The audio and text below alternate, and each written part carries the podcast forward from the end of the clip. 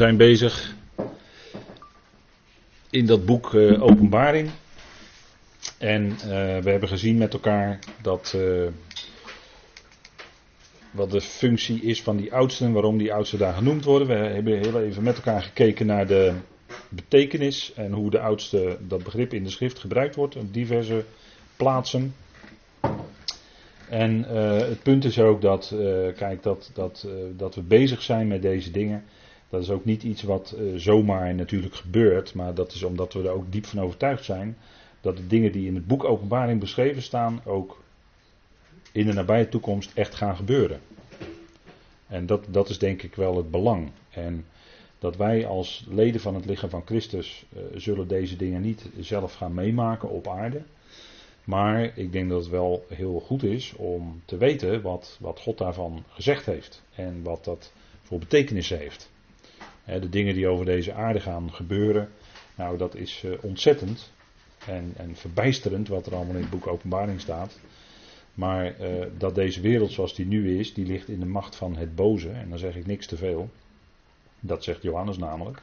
In zijn eerste brief. Hè, de hele wereld ligt in, de, in het boze. Nou, dat is vandaag aan de dag zo.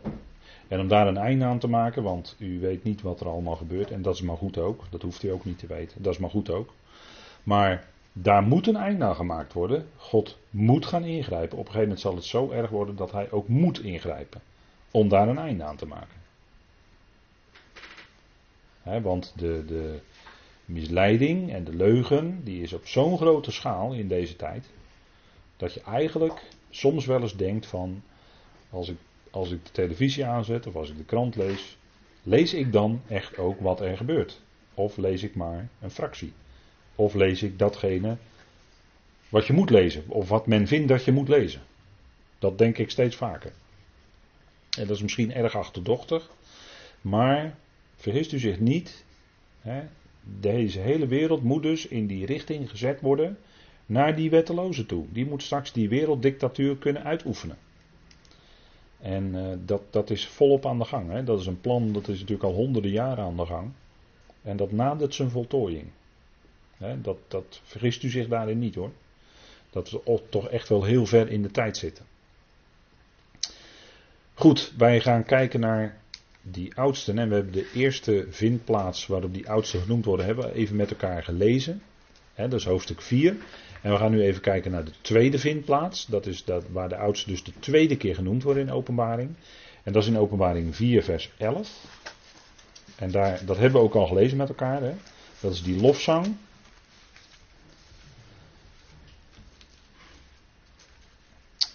En er staat, de, dan wierpen, vers 10, de 24 oudsten zich neer voor hem die op de troon zat en aanbaden hem die leeft in alle eeuwigheid, dus die leeft voor de eonen van de eonen, en wierpen hun kronen neer voor de troon en zeiden, u bent het waard Heer te ontvangen de heerlijkheid, de eer en de kracht, want u hebt alle dingen geschapen en door uw wil bestaan zij en zijn zij geschapen. He. U bent het waard, Heer, vers 11, te ontvangen de heerlijkheid, de eer en de kracht. Want u schept het al. Het staat daar in uh, die tijdloze vorm, weet u wel. Want u schept het al. En door uw wil bestaan zij en werden zij geschapen.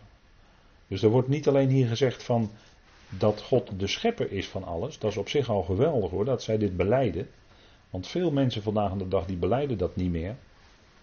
Maar we kunnen gewoon voluit beleiden dat God de schepper is van het al. Maar er wordt iets, nog, nog iets meer gezegd hier. Dat door uw wil bestaan zij en werden zij geschapen. Dus dat is naar de wil van God. Dus dat God al die schepselen zo geschapen heeft zoals zij zijn, dat is naar zijn wil. Door uw wil bestaan zij en werden zij geschapen. En dat betekent niet alleen de goede, maar ook de slechte. als ik het even maar heel direct tegen u zeg. En, en dat zijn dus weer de wonderlijke dingen in Gods woord. Dat, eh, ja, nu moet ik denken aan het boek Samuel, wat daarin staat. Dan gaat het over koning Saul, die dan het, eh, het woord verworpen heeft. Want waarom werd koning Saul op een gegeven moment, om het zo maar te zeggen, op een zijspoor gezet, zodat koning David koning kon worden? Dat was omdat hij het woord had verworpen. Dat was omdat hij het woord had verworpen. Dus dat, is, dat woog heel erg zwaar. En dan staat er dat er een boze geest kwam van JW. Let op hè. Er kwam een boze geest van JW om koning Saul te verschrikken. En dat zijn nou die wonderlijke dingen in Gods woord. Wij zouden zeggen, er komt een boze geest van de Satan naar koning Saul toe. Maar dat staat er niet. Er staat, er kwam een boze geest van JW, dus die door JW gestuurd werd, om koning Saul te verschrikken. En dat die boze geesten er zijn, ja, die moeten dus er ook zijn. Dat heeft te maken met Gods scheppende werk. En dan ben je dus gelijk een, stap dieper hier ook in de tekst. want dat is niet zomaar een uitspraak die zij hier al lovend en prijzend doen.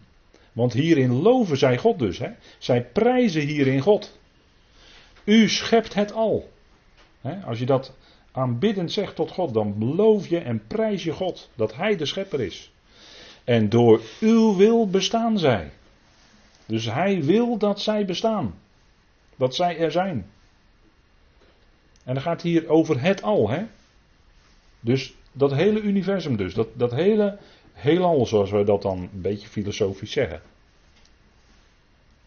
En werden zij geschapen. En dit is op het moment, dit zeggen zij op het moment dat de tegenstander nog volop in actie is. Dus u moet dat goed beseffen hier, wat hier gezegd wordt. Het is door uw wil dat zij bestaan. Het is niet zomaar dat hij de schepper is, nee. Het is door zijn wil ook. Hij wil dat ze er zijn. dat, dat is volledig in overeenstemming met zijn voornemen, met zijn plan. Nou, en dat is ook wat die oudsten dan zeggen. En, en beamen. Dus ik denk dat dat eh, ook weer een punt is. Hè? Goed, dan gaan we naar de volgende vindplaats. Die oudsten die zijn betrokken bij het openen van de zegels. En dan zitten we in hoofdstuk 5. En dan wordt er dus gezien een boekrol die van binnen en van buiten beschreven is. Is u misschien ook nooit zo opgevallen hè, dat dat er staat. Maar die boekrol is van binnen en van buiten beschreven. En die boekrol die heeft zeven zegels. En die zegels die moeten verbroken worden. Zodat die boekrol geopend kan worden en de dingen die daarin beschreven staan ook gaan plaatsvinden. Dat is natuurlijk een symbolische handeling uiteraard. Maar dan wordt er rondgekeken in het heelal en dan blijkt dat er niemand is die die boekrol kan openen. En dan zegt een van de oudsten, want Johannes die, uh, die is daarom heel verdrietig, hè, staat er in 5 vers 4. En ik huilde erg, omdat er niemand werd gevonden die het waard was die boekrol te openen, te lezen of in te zien. En dan staat er, en een van de oudsten zei tegen mij, huil niet. Zie, de leeuw die uit de stam van Juda is, de wortel van David, heeft overwonnen om de boekrol te openen en zijn zeven zegels te verbreken. Nou, dat is natuurlijk geweldig hè, wat hier gezegd wordt. Dus die boekrol kon toch geopend worden, maar dat kon alleen maar door één, de Jezus Christus. Hè. Want de leeuw uit de stam van Juda is natuurlijk ook symbooltaal. Hij is die leeuw uit de stam van Juda. Hij komt ook uit de stam van Juda. En een leeuw heeft altijd te maken met koningschap. De leeuw is de koning van de dieren. En dat staat natuurlijk symbolisch voor dat hij eigenlijk de koning van de aarde is. De rechtmatige koning der koningen en heer der heren. En de wortel van David. Hè? Dus hij is het die David instelde als koning in feite. En wie zegt dat dan? Dat zegt één van de oudsten. Dus hier zien we het belang van die oudsten hè, die daar zijn. Want die heeft inzicht in dat hij degene is die dat kan doen.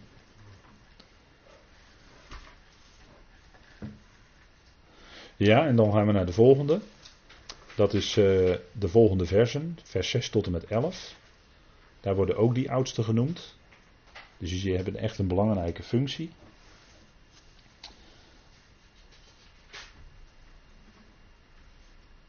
En zij zeggen dan een nieuw lied hè, als lofzang op hem die de boekrol kan openen. En ze zongen een nieuw lied en zeiden: U bent het waard om de boekrol te nemen. En ze zegelt, vers 9 is dat. Want, en ze zegels te openen, want u bent geslacht en hebt ons voor God gekocht met uw bloed uit elke stam, taal, volk en natie. En u hebt ons voor onze God gemaakt tot koning en priesters, en we zullen als koningen regeren over de aarde. En dan moet ik daar even iets in aanpassen, want dat ons en dat wij, in vers 10, als je de beste handschrift erop naslaat, dan staat er eigenlijk, en u hebt hen voor onze God gemaakt tot koning en priesters, en zij zullen als koningen regeren over de aarde. Dus hier zien we dat dus de oudsten dat zeggen over het volk Israël. Hè? Dus dan, dan zien we dus wie er aan het woord zijn. En dan in vers 9, hè, dan zijn ze ook aan het woord. Dan gaan we even terug naar vers 9. U bent geslacht en hebt ons voor God gekocht met uw bloed uit elke stam, taal, volk en natie. Nou, dat ons, dat is dan een beetje, uh, ja, dat lijkt een beetje merkwaardig hier. Hè? Als die oudsten dat zeggen, want het lijkt net alsof dit gaat toch over degene die gered zijn hè, uit, de, uit de aarde. En nu is dat ons, uh, ja, dat staat wel in de beste handschriften. Dus uh, ik ben er nog niet helemaal uit hoe, dat, hoe je dat precies zou, uh, zou lezen in deze context. Dus dat is voor een van de volgende keren, en dan komen we daar wel op terug. Maar ik geef het maar even mee voor u ter overweging ook. Maar in ieder geval, die oudsten die heffen dat niet aan. En in ieder geval zeggen zij dat dus de Israël tot koning en priesters is gemaakt en gekocht zijn door het bloed van Christus. daarin heeft hij overwonnen. Hij heeft natuurlijk de overwinning behaald op Golgotha. Daar heeft hij de geestelijke machten en krachten eh, openlijk tentoongesteld, staan aan de Colossense. En zo over hen de triomf behaald, hè? De, de overwinning behaald. Dus dat is de grote overwinning van de Heer. Uh, in feite is die betekend op Golgotha, dat betekent het dan, hè? Dat is, daar gaat Paulus dan op terug. En het zal in de toekomst natuurlijk gaan blijken wat de geweldige uitwerking is van die overwinning die daar behaald is. Het wordt hier ook genoemd het bloed. Hè?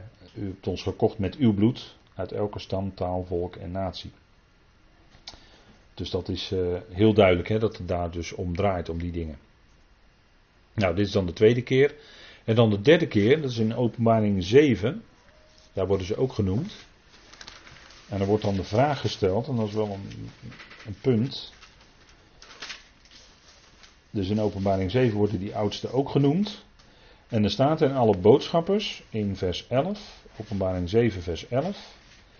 En alle boodschappers stonden rondom de troon, de oudsten en de vier dieren. En ze wierpen zich voor de troon neer met hun gezicht ter aarde en aanbaden God en zeiden Amen. De lofprijzing, de wijsheid, of de, de heerlijkheid, de wijsheid, de dankzegging, de eer, de kracht en de sterkte is aan onze God tot in alle eeuwigheid. Amen.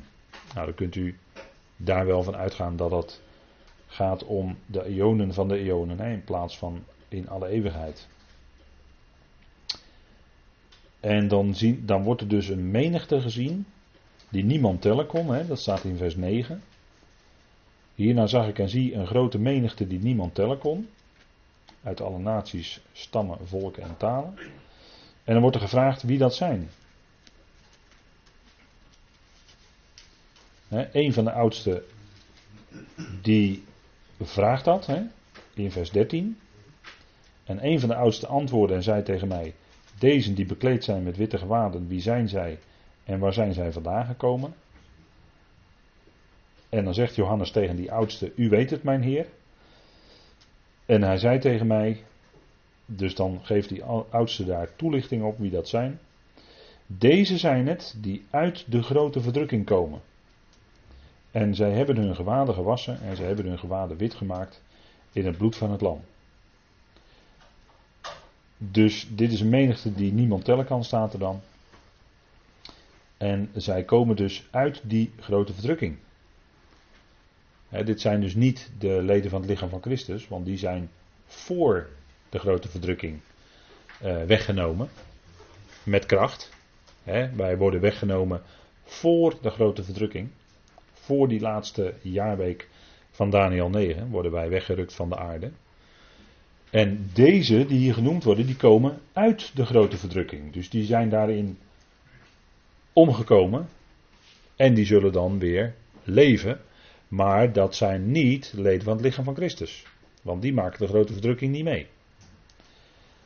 Dus dit zijn allerlei mensen uit, en er staat er ook niet alleen uit Israël, maar er staat uit alle naties, stammen, volken en talen. Dus van de hele wereld. Zijn het allemaal mensen die kennelijk in die verschrikkelijke tijd op een of andere manier toch gelovig zijn geworden.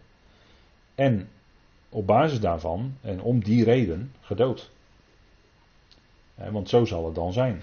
Dan zul je, dat, dat kan dan niet meer. Als men erachter komt, dan moet je dat met de dood bekopen. Want dan zul je dus je knieën niet willen buigen voor het beest en het beeld van het beest. En dan, als je, dat, als je dat niet wil, ja, dan zul je gedood worden. Dat staat er. Maar dat, zo allemaal, dat staat ook allemaal in openbaring. Nou, en dan zullen zij hem dienen hè, uh, in die duizend jaar en uh, in de tijd daarna. Hè, zullen zij hem dan dienen. Wat het allemaal precies in hoofdstuk 7 verder inhoudt, daar komen we op een later moment dan nog op terug. Ja, dus dit is even een punt. Hè. Dus die menigte die niemand tellen kan, dat zijn dus heel veel mensen die uit de grote verdrukking komen. En dan uh, het, de zesde keer dat die oudsten genoemd worden, is dat ze hem lof zingen. En dat is aan het einde van het troongedeelte. Dat is hoofdstuk 11. Daar zien wij ook die oudsten.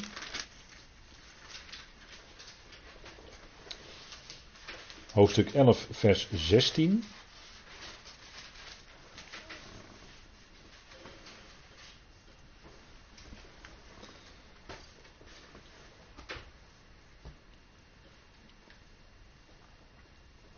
En er staat. Um, en de 24 oudsten die voor God op hun troon zitten, wierpen zich met hun gezicht ter aarde en aanbaden God. En zeiden: Wij danken u, Heer God de Almachtige, die is, die was en die komt, omdat u uw grote kracht ter hand hebt genomen en koning geworden bent. dus hier blijkt het koningschap van Christus over de gehele wereld. En de volken zijn toornig geworden. En uw toren is gekomen, of uw verontwaardiging. En daarmee ook het tijdstip voor de doden om geoordeeld te worden. En om het loon te geven aan uw dienstknechten, de profeten. En aan de heiligen en aan hen die uw naam vrezen, de kleine en de grote. En om hen te vernietigen die de aarde vernietigden. En degene die hier bedoeld worden, dat zijn degenen die ook nu al bezig zijn om hun vernietigende werk te doen, om het zo maar te zeggen. En die zullen dan, die zullen dan door de Heer gericht worden en gedood worden. maar degenen die hier bedoeld worden, dat zijn degenen onder meer die vandaag de dag, om het zo maar te zeggen, achter de schermen de touwtjes aan de, aan de touwtjes trekken. Namens de tegenstander. Dat, die worden hier bedoeld. En uh, daar zou een heel aantal punten van kunnen noemen. Maar als we het meemaken dat we bij hoofdstuk 11 terechtkomen, dan wil ik daar wel dieper op ingaan.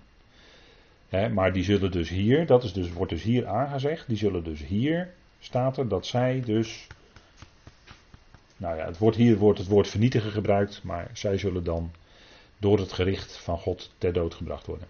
Zullen uitgeschakeld worden. Dat is wat die gerichten natuurlijk ook gaan betekenen. En dat zal dan een enorme verlossing betekenen. dit, is het, dit is het toppunt van de politieke verlossing van de aarde. Nou, als de Heer er is, dan zullen de mensen ongelooflijk blij zijn dat ze uit die verschrikkelijke knevel, uit die verschrikkelijke banden, uit die verschrikkelijke dictatuur bevrijd zijn. Reken maar dat de mensen die dan nog leven ontzettend blij zullen zijn dat ze daaruit verlost zijn. Denk erom dat ze heel blij zullen zijn. Want daar zit wel wat aan te komen. maar diegenen die dat dus doen, die dus ook nu al achter, achter de schermen de touwtjes in handen hebben, die zullen, die worden hier mede bedoeld en die zullen door de Heer uitgeschakeld worden. En dat is wat Gods woord zegt. Zo zal het gebeuren. Dat is het gericht. Dat, en dat moet komen natuurlijk. Want als, de, als die dingen zich allemaal opstapelen, wat in onze tijd in steeds hoger tempo gebeurt, dan, uh, dan, dan moet die verontwaardiging van God, die moet gaan komen. Dat kan niet anders. Dat is altijd zo. Elk, elk moment in de geschiedenis zo geweest. Maar goed, we gaan door naar openbaring 19. En daar is ook uh, sprake van jubel. En dan gaat het meer om het tempelgedeelte.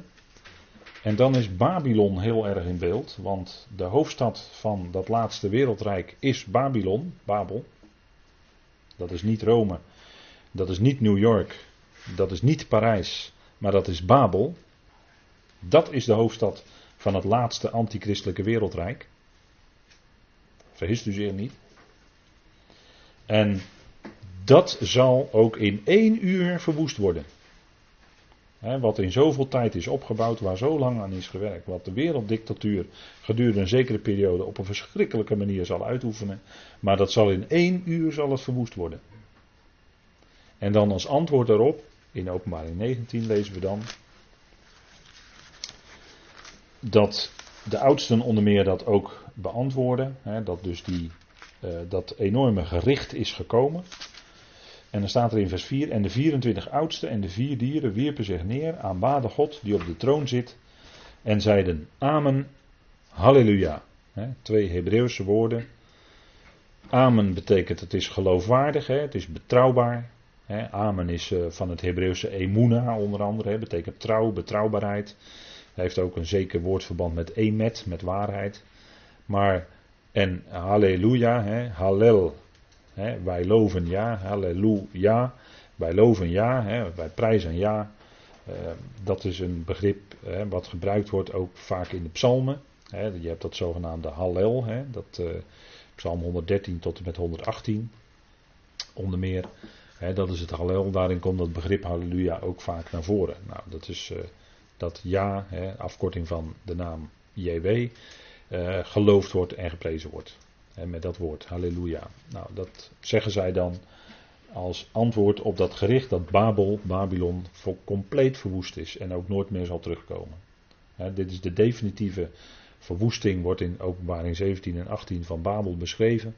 En daarna zal Babel ook nooit meer terugkomen. Dat is het definitieve einde. Komt niet meer in de nieuwe schepping terug. En dat is denk ik ook wel logisch als je de als je weet waar Babel allemaal voor heeft gestaan in die oude schepping. dat is ook wel logisch dat het niet meer terugkomt. Goed, ehm, ik denk dat we het hierbij uh, laten voor vanavond. En dan hopen wij een volgende keer weer door te gaan met dit hoofdstuk 4 van Openbaring. En dan gaan we dieper in op de vier dieren. En ik weet niet wanneer het zijn, maar we streven er altijd naar om toch zo snel mogelijk weer een volgende keer. Maar het moet allemaal in de agenda en in de planning passen. Dus u, u zult dat vanzelf nog horen. Ja, zullen wij eh, dan de Heer danken.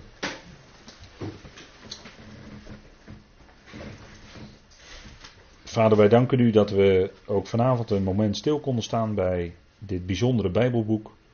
En nagegaan hebben wat de oudsten voor betekenis hebben, vader.